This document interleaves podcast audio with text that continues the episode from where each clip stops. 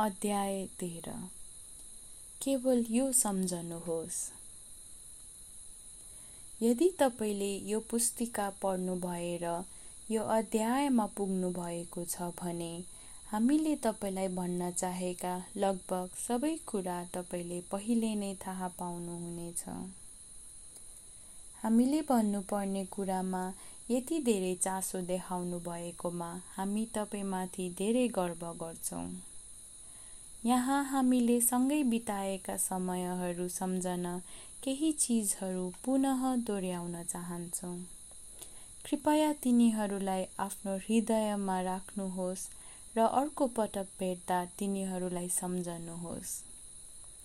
हामी तपाईँको साथ र हाम्रो जीवनको लागि तत्पर छौँ र हामीले एकअर्कालाई भेट्टाएका छौँ भनेर खुसी छौँ।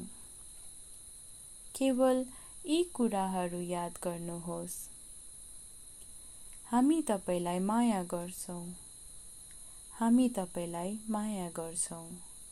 तपाईँ जस्तो भए पनि हामी तपाईँलाई माया गर्छौँ।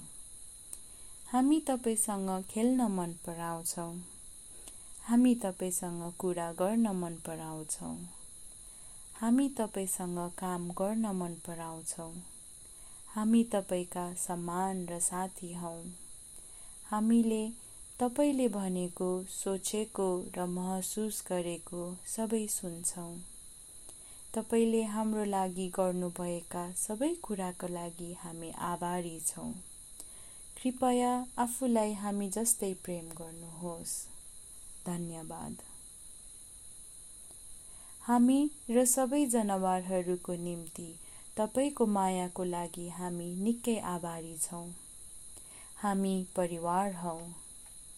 यदि तपाईँ पशु सञ्चारकर्मीसँग व्यक्तिगत सत्र चाहनुहुन्छ भने तपाईँ यस website W W W dot voice dash for dash nature dot com हेर्न सक्नुहुन्छ जहाँ तपाईँ संसारभरका धेरै पशु सञ्चारकर्ताहरूका लिङ्कहरू पाउनुहुनेछ।